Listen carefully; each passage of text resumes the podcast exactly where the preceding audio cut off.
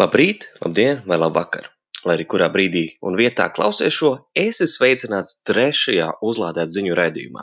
Ar jums šodien ir Kārlis Mēdziņš, un es ar jums šoreiz dalīšos ar aktuālākajiem jaunumiem elektroauto pasaulē. Šis ir pirmais raidījums, kas ir tapis pēc pievienošanās Delfi podkāstu sadaļai. Tagad manu balsi var klausīties ne tikai klasiskajās podkāstu platformās kā Spotify, Google podkāstu vai Apple podkāstu, bet arī Delfi. Turpināsim ar ziņām. 2019. gada trešais ceturksnis pēc statistikas ir bijis vēl labāks kā iepriekšējais ceturksnis. Šajā ceturksnī elektroautorāta skaits ir audzis par 15% salīdzinot ar iepriekšējo ceturksni. Tas ir straujākais kāpums kopš statistikas publicēšanas un ir pamats domāt, ka nākotnē elektroautorāta būs daudz, daudz vairāk. Šī gada pirmajā ceturksnī elektroautorāta skaits Latvijā pieauga par 28 vienībām, bet otrais ceturksnis bija labāks, un tad viņi reģistrēja 48 elektroautorāta. Tomēr jau trešajā ceturksnī izrādījās, ka tas ir bijis vēl labāks, reģistrēts 71 elektroautorāta. Šajā ceturksnī kopā nu jau ir reģistrēti 756 elektriskie transporta līdzekļi. No tiem 589 ir elektroautorāta. Salīdzinot ar iepriekšējo ceturksni, klāt nākuši 22 elektriskie mopēdi, 71 elektroauto, viens kvadrcikls, viens motocikls un trīs autobusi. Šis ir pirmais ceturknis, kad elektroauto sastādīja 1% no jaunajām mašīnām. Nu, gandrīz vienu. 0,99%. Atļaujiet man šoreiz nopaļot uz augšu. Gada griezumā skatoties, elektrotransporta līdzekļu skaits ir audzis par 45,38%, bet elektroauto par 45,43%. Pagājušajā ceturksnī pirmo reizi reģistrētā Tesla Model 3 tagad jau ir 18 vienības Latvijā. Jūnijā, kad pasteidzos ar datu pieprasījumu, bija reģistrēti divi šie Norvēģijā vispieprasītākie transporta līdzekļi. Starp citu, Model 3 ļoti ticams pārspēs Norvēģijas rekordu par gadā pārdotajām vienībām. Tanī ziņā, ka vēl 68. gadā Volkswagen Beetle bija vispārdotākā mašīna, un līdz šim brīdim tas tur savu statusu par visvairāk pārdotām vienībām vienā gadā. Tagad palikuši vairs tikai divi mēneši, un Model 3 ir jāpārdod vairs tikai pusotras tūkstošas vienību vai divi pus tūkstoši vienības. Es tagad no galvas atceros šos ciparu. Tāpēc ļoti ticams, ka Tesla Model 3 pārspēs arī šo rekordu. Bet atgriežoties pie Latvijas situācijas, ar esošajiem datiem var prognozēt, ka 2014. gada pieaugums, kad klāt nāca 184 elektrotransporta līdzekļi, tiks pārspēts. Šī gada pirmajos trīs ceturkšņos ir reģistrēts 147 elektroautorāti, kas liek pamatot domāt, ka pieprasījums būs beidzot sasniedzis to līmeni, kāds bija, kad valsts atbalstīja elektroautorātu iegādi tik ievērojami, ka elektriskais ap bija lētāks par benzīna ap. Tam gan būs nedaudz nepieciešams, lai pēdējais šī gada ceturksnis būtu ar līdzīgu pieaugumu kā šis vai iepriekšējais ceturksnis, bet var uzskatīt, ka nekas diži nebainīsies. Un, ja pieņem eksponenciālu līkni pāri pagājušo ceturkšņu datiem, nu jau vairākus gadus atpakaļ, tad paredzams, ka 2025. gadā, kad satiksmes ministrija plāno, ka ar jauno valsts atbalstu būs 2000 elektroautorātu, To būs kaut kur starp 1700 un 2200. Šis skaits tiek prognozēts nemainoties esošajam valsts un pašvaldību atbalstam, kas būtībā finansiāli neko tev neiedod. Un 2030. gadā, kad satiksmes ministrija plāno, ka būs 6000 elektroautorātu, prognozes eksponenciālā līkne prognozē, ka būs starp 5600 un 7000 elektroautorātu. Tātad ar esošo valsts atbalstu būtībā tiks sasniegts tas, ko satiksmes ministrija plāno ar jauno valsts atbalstu. Tas liek prognozēt, ka izteiktāko valsts atbalsta elektroautorātu skaits pieaugs ļoti strauji. Varētu teikt, ka pat dubultosies no esošajām prognozēm, kas ir ar eksponenciālo līkni. Jāpiezīmē, ka šis jau ir kārtējs ceturksnis, kas nes lielāku pienesumu kā eksponenciāla līkne pāri iepriekšējiem datiem prognozē. Tāpēc šīs prognozes var saukt par piesardzīgi optimistiskām. Ja gribi uzzināt vairāk, ej uz uzlādēts.lv, ieliksti meklētājā 2019. gada 3. ceturksņa statistika un atrodi attiecīgo ierakstu. Elektriskais rallycross tika prezentēts Rīgā.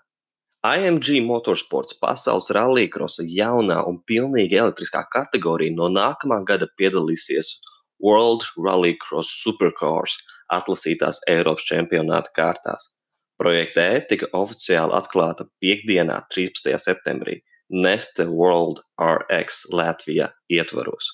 Projekta E izmanto Start Revolution EV spēka piedziņas sistēmas, kas radīs aptuveni 450 kW jaudu, kas ir 600 zirgspēki, 1100 Nm momentāno griezes momentu un maksimālo ātrumu 240 km/h. Citējot latviešu rallija pilotu Jāni Baumani, pagaidām atsevišķi, lai neapkaunotu benzīna dzinējus. Tā mašīna tiešām ir ātra. Viens vārds - kosmos. Nav jaudas zuduma vispār. Nezaudē laiku, pārslēdzot ātrumu, ir kā automātā - gāze un bremze. Visu laiku abas rokas uz stūres. Var braukt perfekti kā pirmajā formulā. Nu, teiksim tā. Pirmā formula vēl izmanto iešdzēs dzinēju, tā kā var braukt labākā pirmajā formulā. Starp citu, pirmajā formulā ir hibrīdi. Un pedāls nav gāzes pedāls, tas ir jaudas pedāls.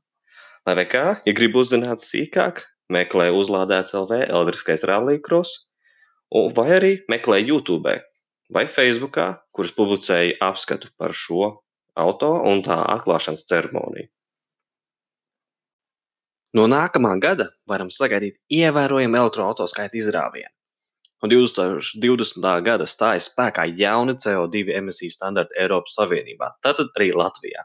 Lai to sasniegtu ar hibrīdiem vai mazu izmēru dīzeļdzinējiem, nepietiks.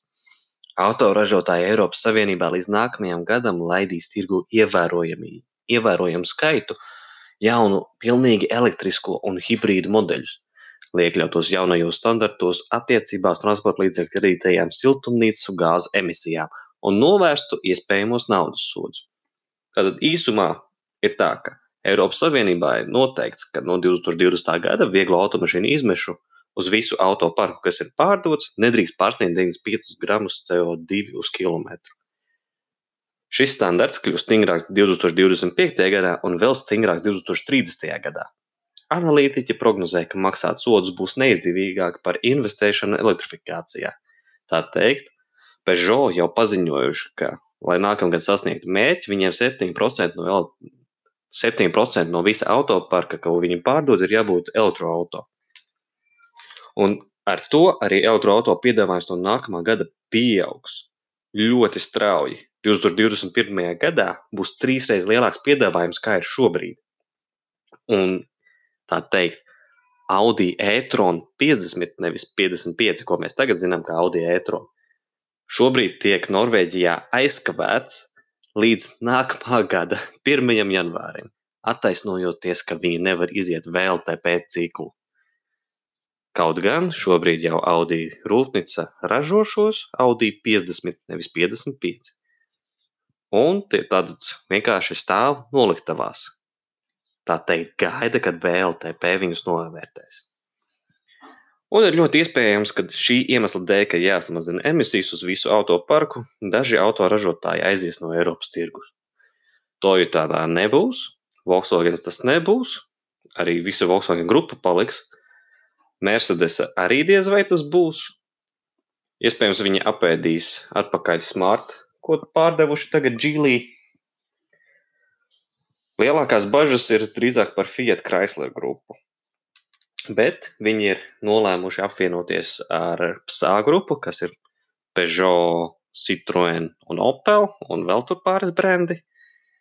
Un ļoti iespējams, ka tomēr Fiat Chrysler grupa paliks Eiropā nemaksājot nemaz tik lielus sodus vai nemaksājot tā, kā viņi to līdz šim ir darījuši, ka viņi būtībā samaksā Tesla par to, ka viņi ir bijuši ļoti labi un neražojot izmešus, nesot atbildīgi par izmešiem. Kā jums patiktu doma par to, ka elektroauto varētu maksāt 12,000 eiro? Kā izrādās, Renault tieši to arī plāno piedāvāt. City KZI kā mēs zinām, Renault uh, ZI sērija nozīmē Zero Emissions. KZI piedāvās 180 km autonomiju un tas maksās mazāk kā 12,000 eiro. Vismaz, ja pārveido no tā, ko teica Renault pārstāvis Giles Normand. Viņš sacīja, ka apvienotajā karalistē tas izmaksātu ap 10,000 sterliņu mārciņu, nu, kas sanāk nedaudz vairāk par 11,5 tūkstošu eiro. Ķīnā jau KZI ir trīs varianti. Sākuma līmenis, kas ir visprastākais, maksā pārreikinot uz eiro gandrīz 8000 eiro, vidējais maksā 8500 eiro, bet dārgākais 9100 eiro. Un tas izskatās kā ļoti kompakts crossovers. Mēs tādus esam redzējuši, bet es nezinu noteikti kāds, kādu modeli. Un visdrīzāk, ja mēs to Eiropā ieraudzīsim, kur ir liela iespējamība, ka to mēs tiešām arī ieraudzīsim, ka tas būs zem Dacia brenda. Jo Renault nevēlas, lai viņus uzskatītu par budžeta transporta līdzekļu ražotāju. Ir īpaši, ja viņiem pieder tāds zīmols kā Dacia. Nedaudz vairāk par šo elektroautorātu. Tam autonomija ir 180 km, kā jau minēju. Akumulātora lielums ir 26,8 kWh, Motora jauda ir 33 kW, kas ļaus attīstīt līdz 105 km/h. Tas varbūt daudzus atbaidīs, bet no personīgās pieredzes spriežot, varu teikt, ka ar to pietiek 95% gadījumu. Vismaz manā gadījumā, jo es dzīvoju pilsētā, un vienīgie brīži, kad es reāli, kad man vajag vairāk kā 90 km/h, ir tad, kad es izbraucu ārā no pilsētas, kad es braucu uz laukiem. Un Teorētiski es pat varu izvēlēties mazākas nozīmes ceļu, kur uh, nebrauc neviens uz 100 km/h, un tad es nevienam netraucēšu. Un viss. Bet, kas vēl attiecās uz šo elektroautorātu, viņam ir vēl viens mīnus.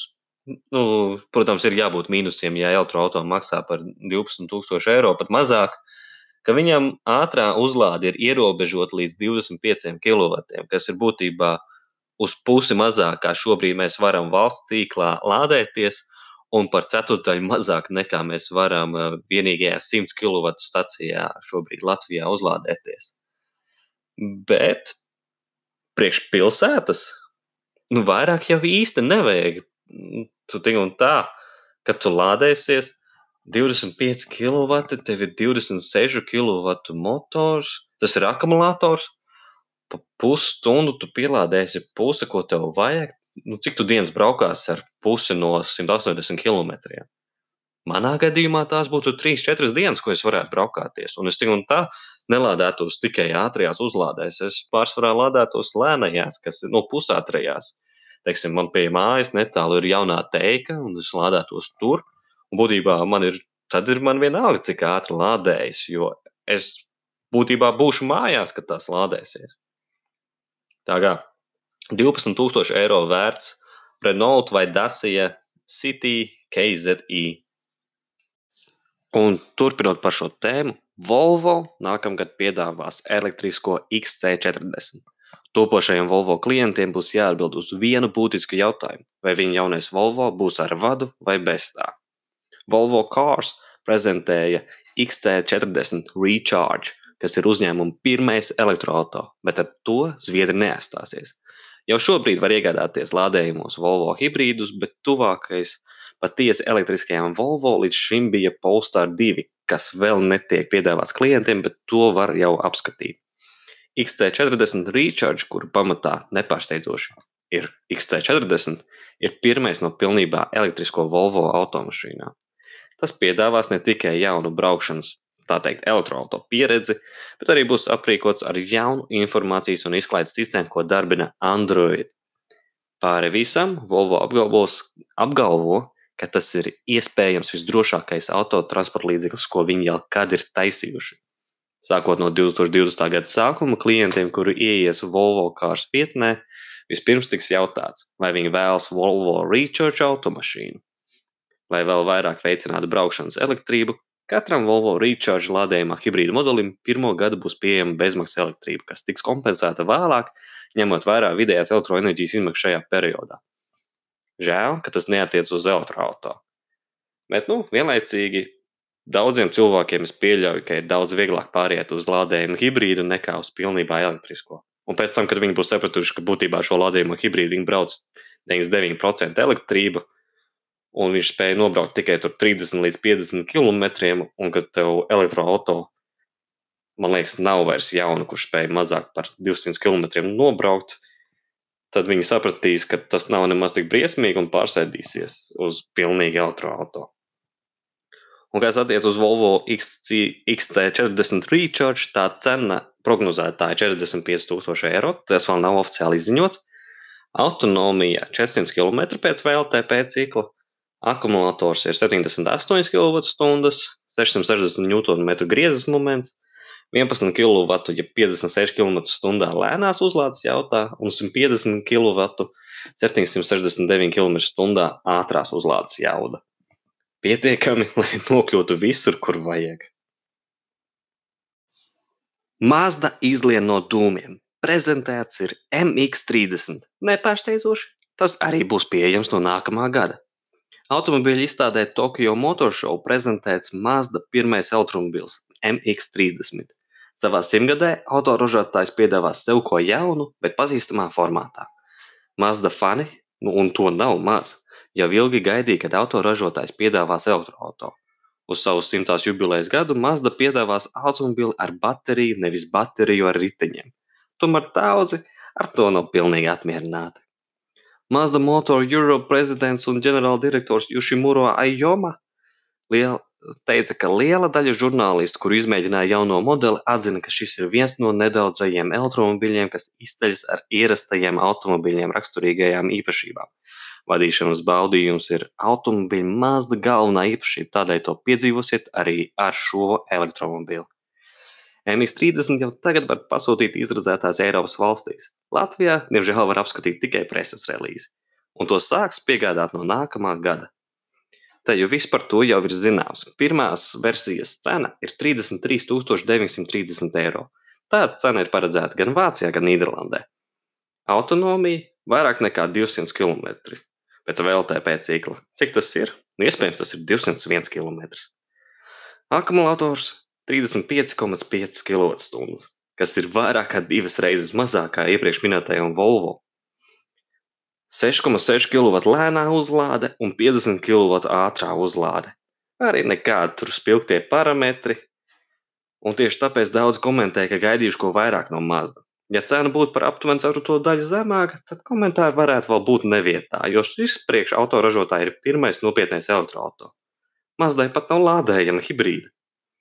Ņemot vērā, ka cits Japāns autoražotājs Honda savam elektroautorātam piedāvā ļoti līdzīgus tehniskos parametrus par līdzīgu cenu, bet citā iepakojumā, var teikt, ka cena ir tirgum, nevis vēlmēm atbilstoša.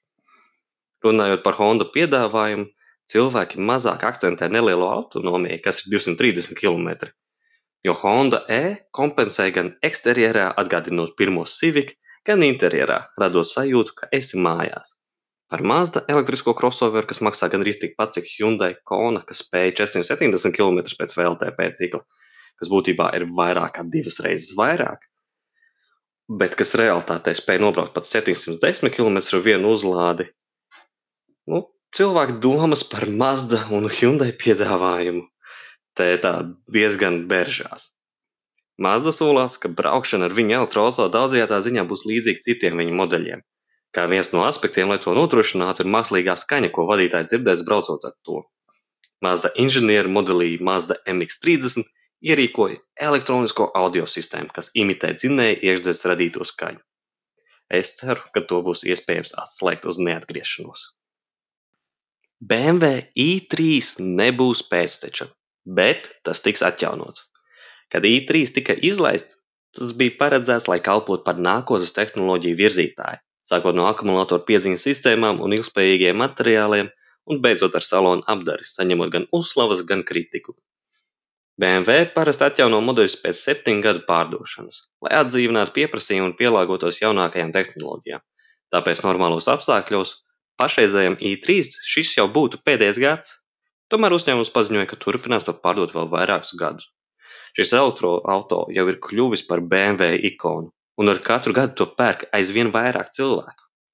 Kurš vēl BMW to ir iespējis sešu gadu laikā? Klasikām jauna dzīve no Volkswagen.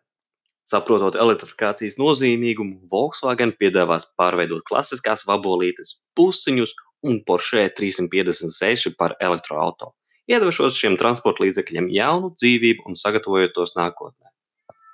Ar 60 kW motoru un 36,8 kWh lielu bateriju elektriskā vabolīte spēs nobraukt 200 km ar vienu uzlādi, kas ir diezgan pieklājīgs attālums priekš elektrificētas klasiskās automašīnas. Lielāka veiktspēja un palielināts svars elektrifikācijas dēļ prasa pielāgotu un pastiprinātu šasiju un bremzes. Neskatoties uz jauno kopējo svaru 1280 kg, e-vabola pātrinās līdz 50 km/h nepilnās 4 sekundēs, un iespējas 150 km/h lielu maksimālo ātrumu. Gadījumā, ja ceļojuma laikā e-vabolē vajag uzlādēties, tad ir iespējams izmantot 40 kW CCS uzlādes iespēju. Šāds prieks gan izmaksās padārgi - 69,000 eiro. Un, ja šie parametri liekas kaut kur dzirdēti, tad tas ir iespējams tāpēc, ka par visu pamatā ir ņemts jaunais Volkswagen e-app, Seat EMI un Škoda Citigo E.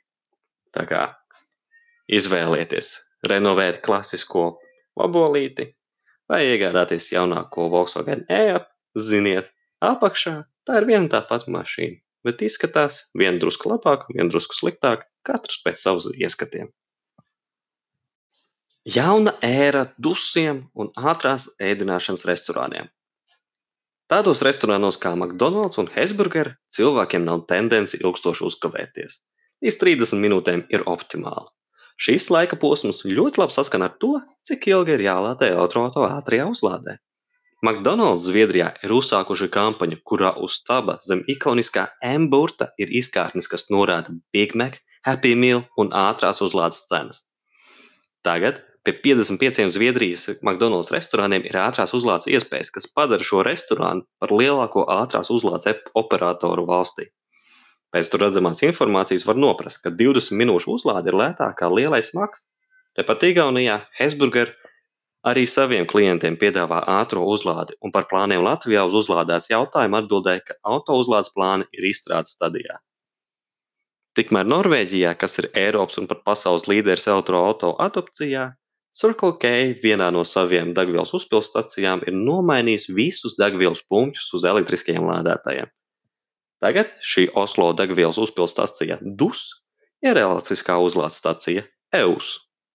Tā ir pirmā šāda stacija pasaulē, un paies laiks, līdz cirklis nomainīs visas savas 16,000 DUS.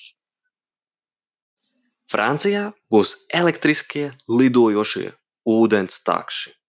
Francijā 2020. gada pavasarī plānots uzsākt jaunu un ekonomisku Bubble ūdens taksometru lietošanu, kas būtu izdevīga sastrēgumu laikos. Elektriskā elektriskajā taksometrā ir sešas sēdvietas. Ja projekts saņems valdības apstiprinājumu, to varēs izsaukt ar aplikācijas palīdzību, tāpat kā parastos taksometrus. Kad taksometrs uzņem ātrumu, tā korpus paceļas apmēram pusmetra augsturā, augstumā virs sēnes upes ūdens. To vada ar mazu spuru zem ūdens virsmas, kas paliek. Projekts joprojām ir izstrādes stadijā, Šobrīd tiek veikti izmēģinājuma braucieni, bet tas jau gaida apstiprinājumu no Parīzes pašvaldības, lai varētu piedāvāt savus pakalpojumus.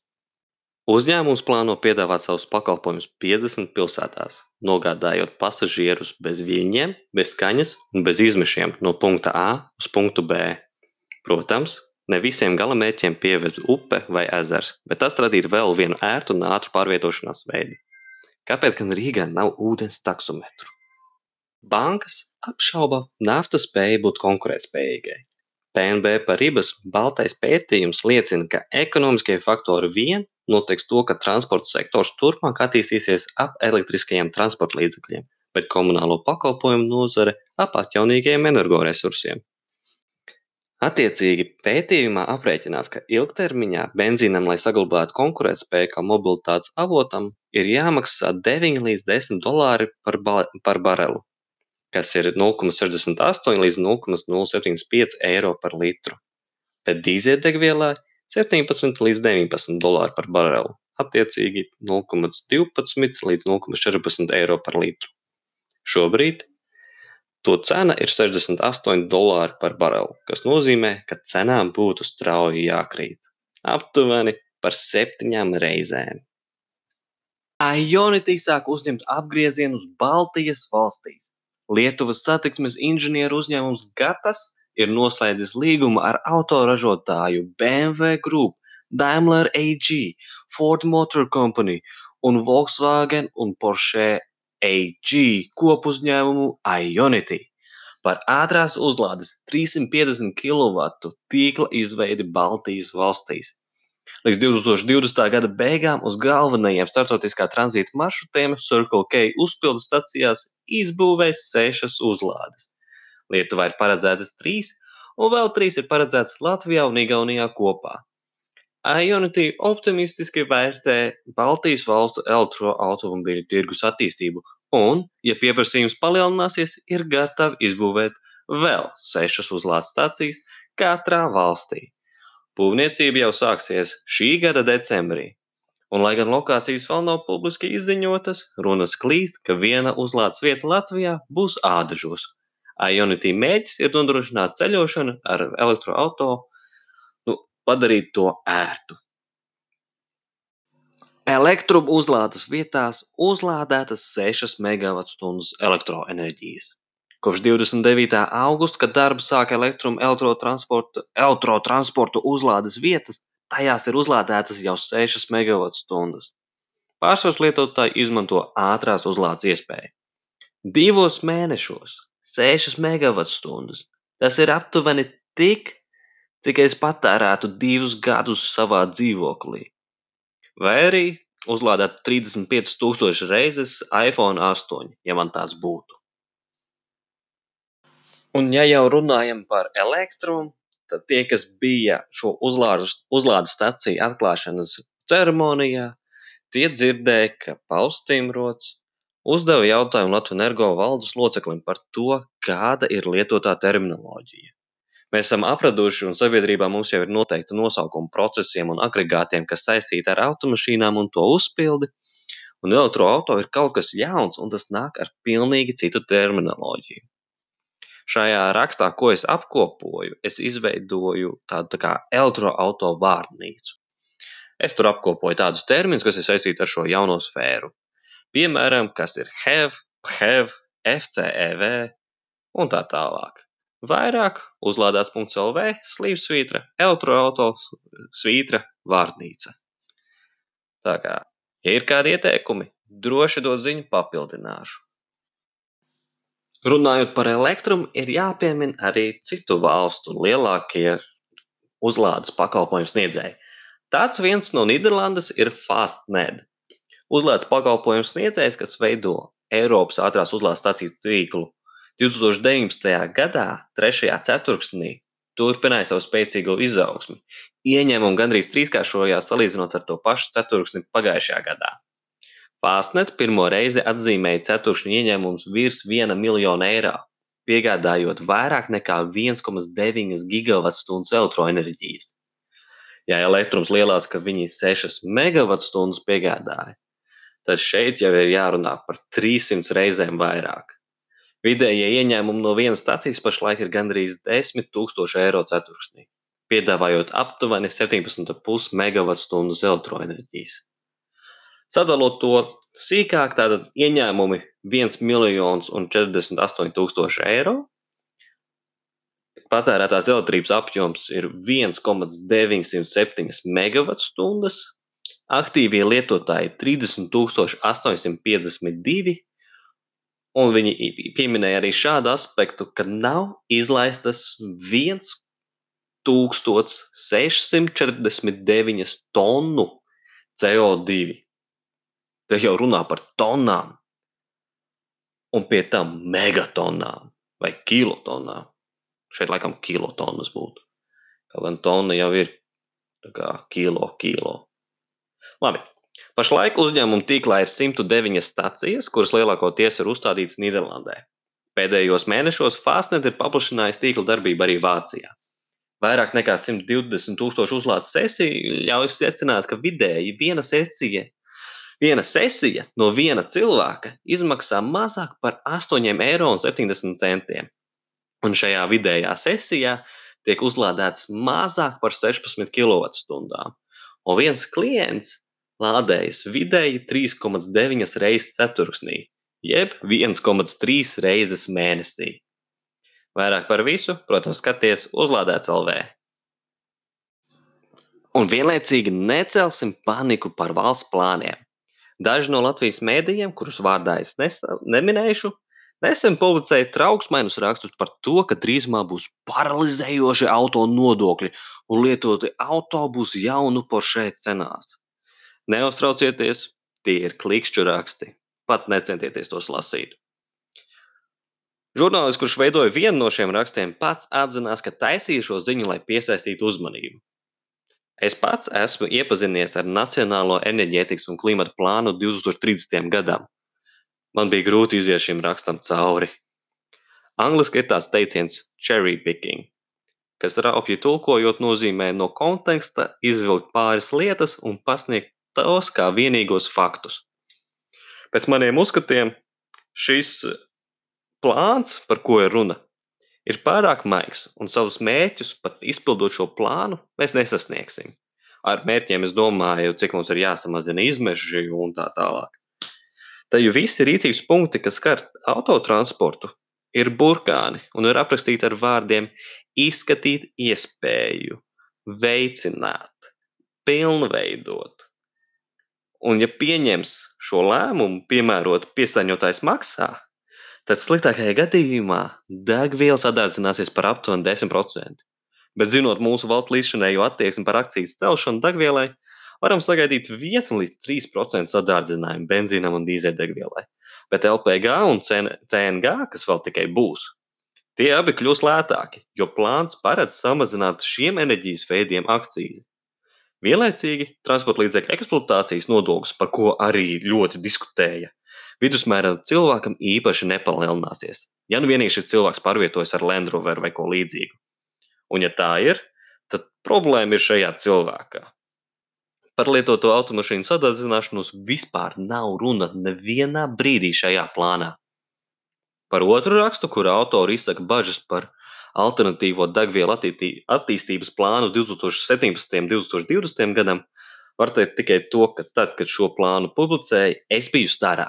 Tomēr emocijas ātri noplaka, kad pēc pāris dienām privātā sarunā ar satiksmes ministrijas pārstāvu uzzināja, ka tur tika samestas visas idejas, kas ienāca prātā un ko dara citur pasaulē. Šī grozījuma tika izsludināta jūlijas sākumā, bet joprojām tie sēž kādā atvilktnē, kas liek domāt par viens. Par tiem ir aizmirsts, vai divi? Satiksmes ministrija gaida Eiropas komisijas atzinumu par Nacionālo enerģētikas klimata plānu 2030, lai varētu ievirzīt šos grozījumus attiecīgi. Miniet, kurš variants ir īstais? Pirmais. Tie grozījumi bija jāizskata divu nedēļu laikā. Ir pagājuši mēneši. Varbūt vēl kādos gaiteņos tos kā šķustus piemin, bet lielā uzmanība šobrīd tik pievērsta Nacionālajiem enerģētikas un klimata pārmaiņu plānam. Pirms mēs noslēdzam šo epizodi, ir viens jautājums, ko es vēlos jums uzdot. Būtībā, vai mūsdienās elektroautorāta bez ātrās uzlādes iespējas ir vērts pirkt vai nav. Atstājiet jūsu domas jūsu izvēlētajā platformā un atstājiet novērtējumu savā izvēlētajā platformā. Ir tīpaši Apple podkāsts, gan zvaigznītes, gan komentāru. Paldies jums!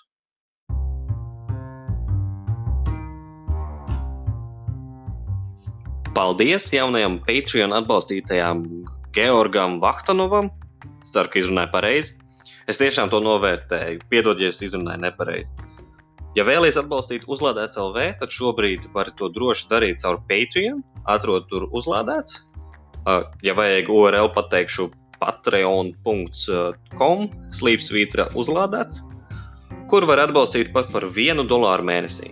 Ja situācija tev mainās un gribi pārtraukt atbalstu, jebkurā brīdī var to atcelt. Nauda ienāk tikai mēneša pirmajā, nu, man ienāk mēneša pirmajā datumā, un no jums aiziet mēneša pirmajā datumā. Iepriekšējās sešas epizodes, no kurām trīs ir intervijas, var atrast savā izvēlētajā platformas arhīvā. Un tiekamies nākamajā reizē. Dalies ar šo visiem, kuriem liekas, ka vajadzētu zināt kaut ko vairāk par elektroautorātu, vai arī vienkārši gribi vairāk pozitīvas ziņas. Un, jā, Atceries, ka nav tādu pašlādējošu hibrīdu un neaizmirst par dīzelgeitu.